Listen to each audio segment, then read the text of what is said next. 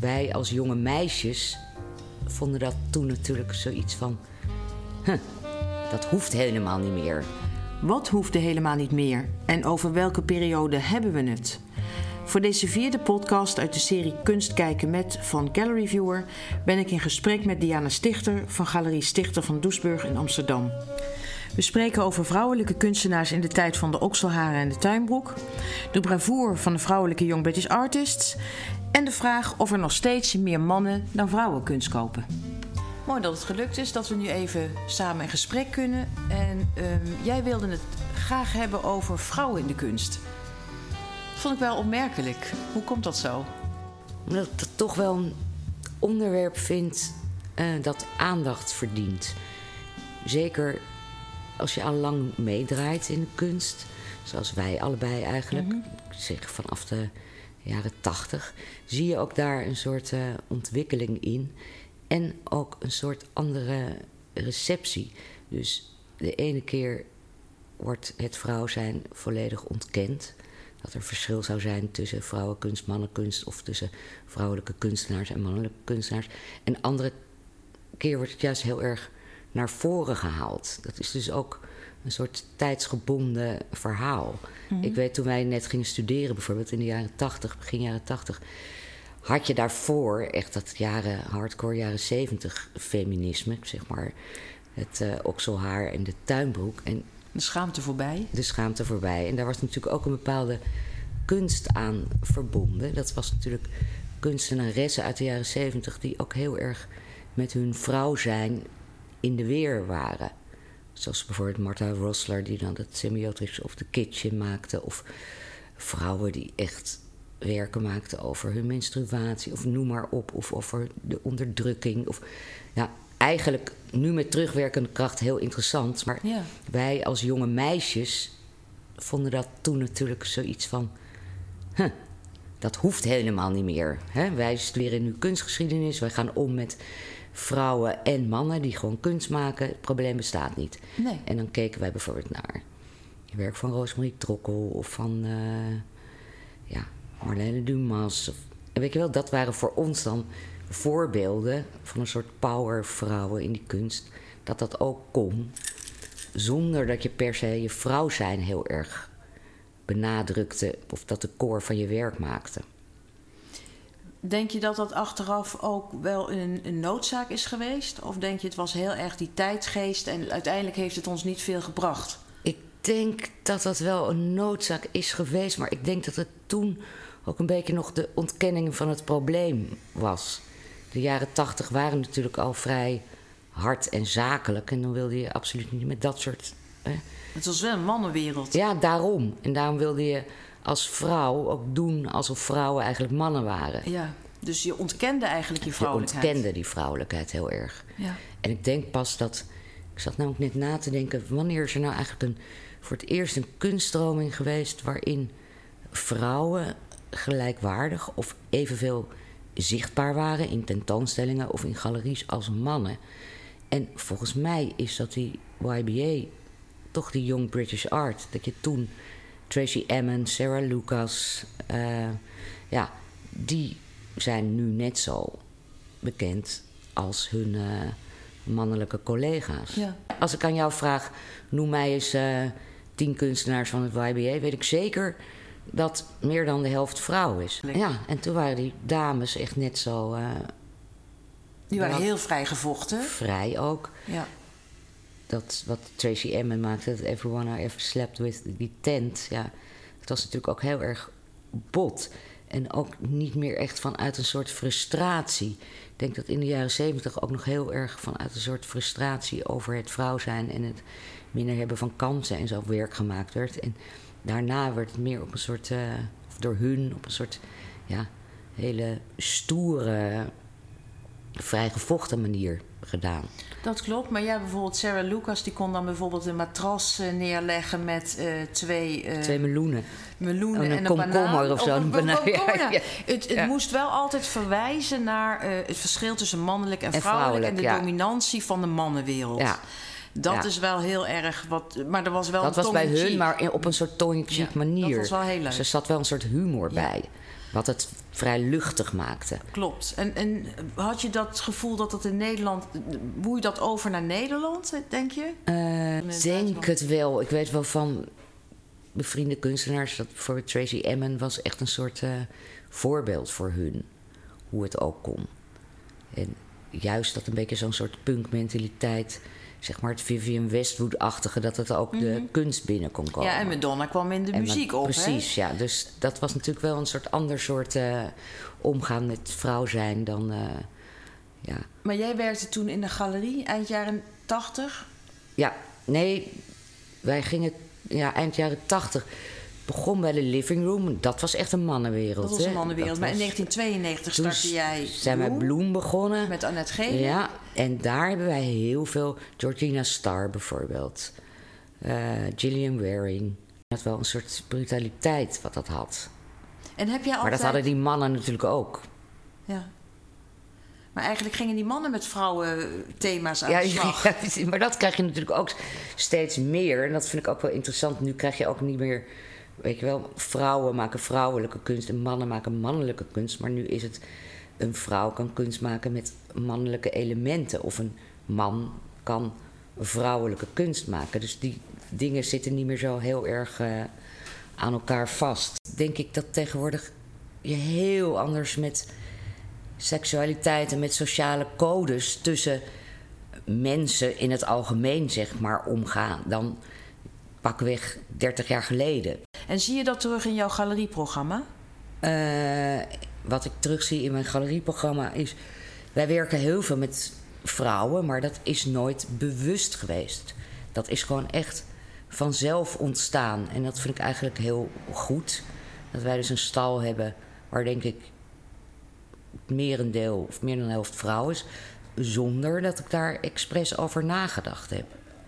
Dus dat laat wel zien dat vrouwen en mannen hè, in een soortzelfde veld zitten. Ik weet dat jij veel kunstenaars vindt uh, op de academie in Nederland. En zoals je net al zei, maak je eigenlijk niet bewust een onderscheid tussen mannelijke of vrouwelijke kunstenaars. Maar uh, waar let jij vooral op bij het scouten van een kunstenaar? Vind jij uh, sociaal engagement belangrijk, seksuele identiteit belangrijk, het gendervraagstuk? Of ben je daar niet bewust mee bezig? Um, ik denk dat dat is niet iets waar ik bewust van naar kijk. Ik ga daar niet naar op zoek, bijvoorbeeld. Waar ga jij naar op zoek? Ik ken bijvoorbeeld een galeriehouder die een keer tegen mij zei... Black is the new gold. Toen dacht ik wel even van... Hmm. Zo. Hè? Dus ik ga op zoek naar kunst die ik goed vind. En in eerste instantie maakt het mij dan niet uit... of dat door een vrouw of door een man gemaakt is. Nee. En ik kan wel natuurlijk... Uh, kijk, je kan natuurlijk dan daarna wel gaan kijken. Wat is er vrouwelijk aan deze kunst en wat niet. Maar ik denk juist in deze tijd. moet je ook helemaal niet meer zo denken.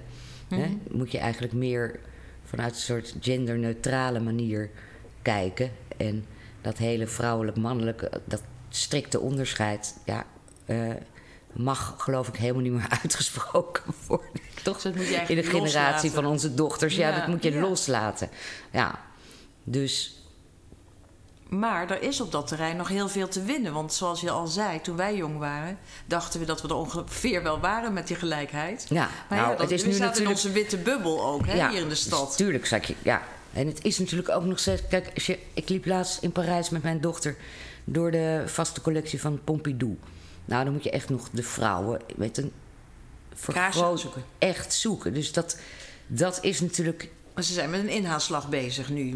MoMA uh, als een van de allerlaatste van de grote ja. bolwerken. Maar oké, zet wel een toon dus voor. Het wordt een soort inhaalslag. Uh, hè? En dat, het, dat is ook wat je nu... Uh, in het stedelijk heb je ook, worden ook heel veel solo's van goede vrouwen georganiseerd. En er is echt een soort inhaalslag maar vind bezig. je dat goed of zeg je nou... Nou, dat vind ik wel goed, ja.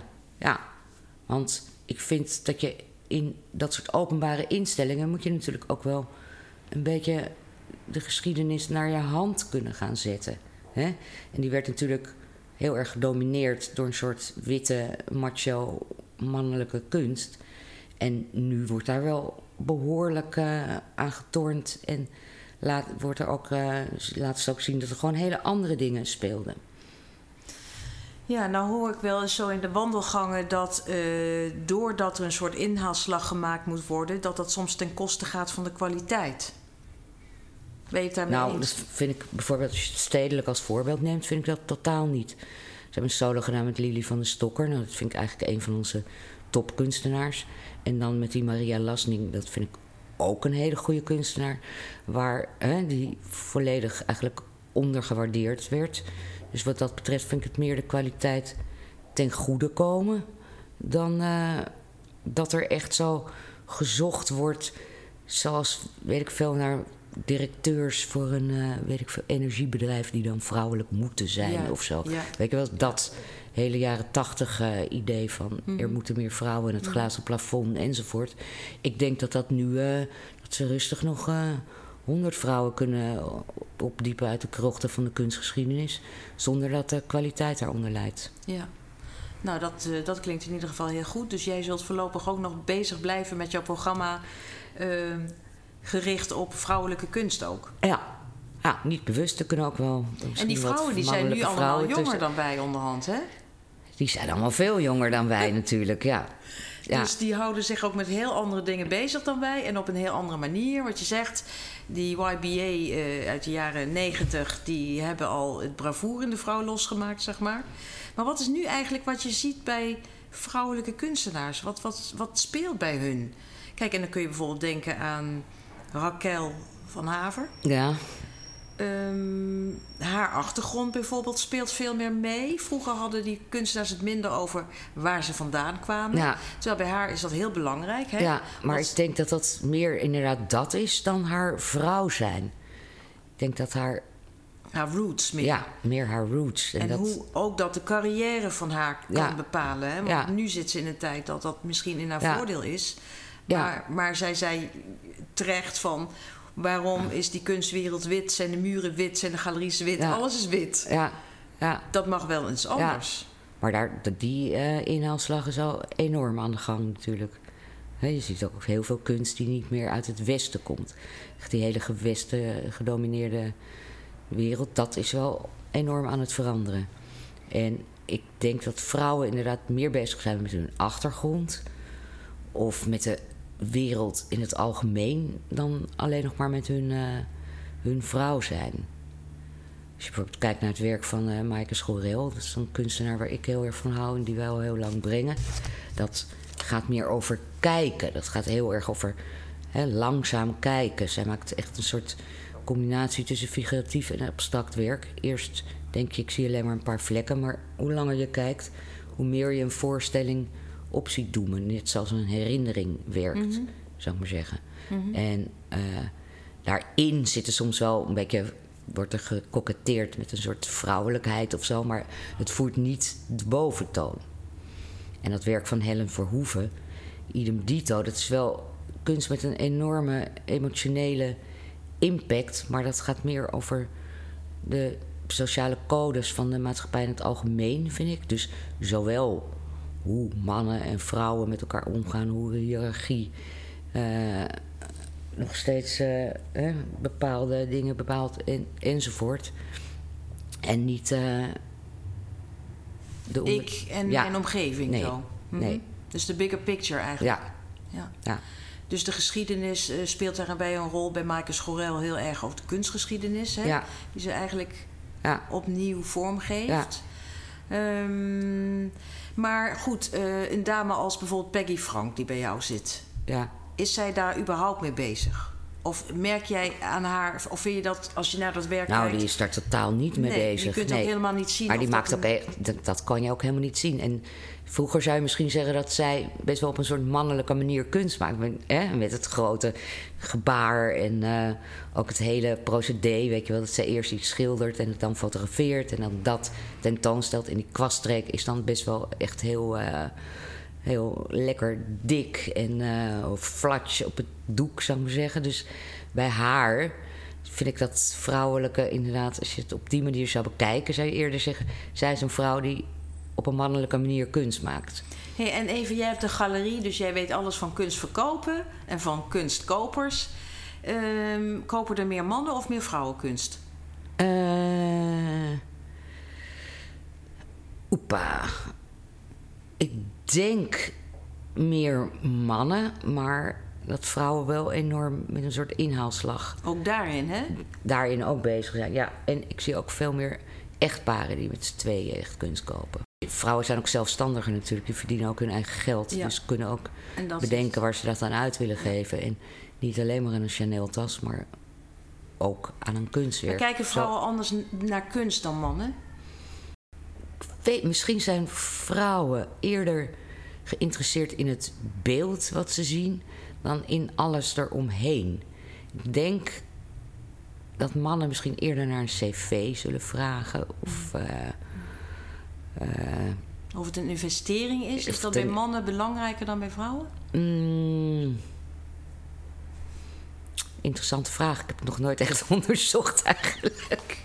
Ik hoop het niet, want dan vallen we weer in zo'n soort valkuil waar we eigenlijk niet meer in mogen vallen, toch? Nee, maar Nee. ik denk dus dat... ik ga niet zeggen dat Nee. vrouwen hè, meteen eh, verliefd worden op hun werk en dat heel intuïtief bes- beslissen, want het is precies weer waar we het eigenlijk. hè, dat gender bevestigend. ja, dat is totaal Dat- weer gewoon dat mannen heel persoonlijk- het is koelbloedig. persoonlijk. Het is persoonlijk. Ja. En ook vanuit, eh, je kunt voor een bedrijfscollectie kopen. Dan koop je anders dan wanneer je privé Ja. voor je huis koopt. Ja. Ja. Maar bijvoorbeeld de millennials, de, de, de jongste generatie. Maar ik kan me wel voorstellen voor een bedrijfscollectie dat ze bijvoorbeeld denken van, oh, we moeten meer vrouwen Ja, ja, verzamelen. Of, Ja. ja. ja. kan ik me voorstellen, ja. En ehm, de, de jongste ehm, groep kopers, zeg maar, dat zijn dan mensen zeg maar, die de, de universiteit net af hebben, die gaan werken, Mm. rond 5, 26. Eh, vroeger, eh, toen wij zeg maar eh, net gingen samenwonen of zo, dan was je al blij als je je appartementje kon betalen en dan ging Ja. je op reis. Maar kunst kopen of zo, Nee, dat was kwam veel niet, later. ja, dat kwam veel later. ja. Ja. en nu zie je dat jonge stellen richten hun huis in en willen ook meteen mooie kunst. ja.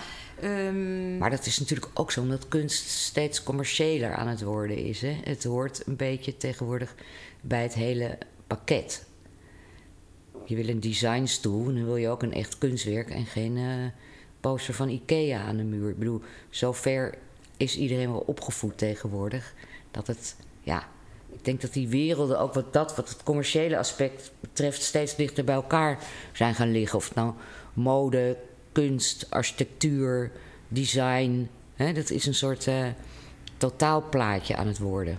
Een soort lifestyle Ja, ehm, ja. gebeuren. Ik denk ook dat je een heel ander soort verzamelaar hebt tegenwoordig. Echt verzamelaars die niet meer op de ouderwetse manier echt een kunstenaar volgen en daar eh 30, 40 werken hè, in de loop der jaren van verzamelen. Maar je hebt gewoon ook hele andere verzamelaars die denken van ik wil mijn huis mooi inrichten en ik wil daar ook goede kunst bij. Ja. Nou, Ja. die kopen zo en die gaan echt niet eh, de hele avond eh, boekjes lezen hè, over de kunstenaars enzovoort enzovoort.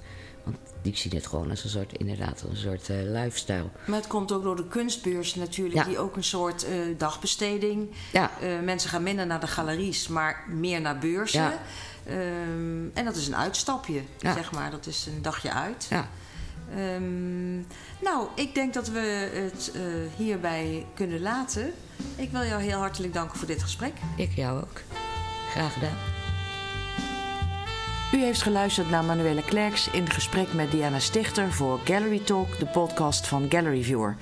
We danken u voor het luisteren en graag tot een volgende keer.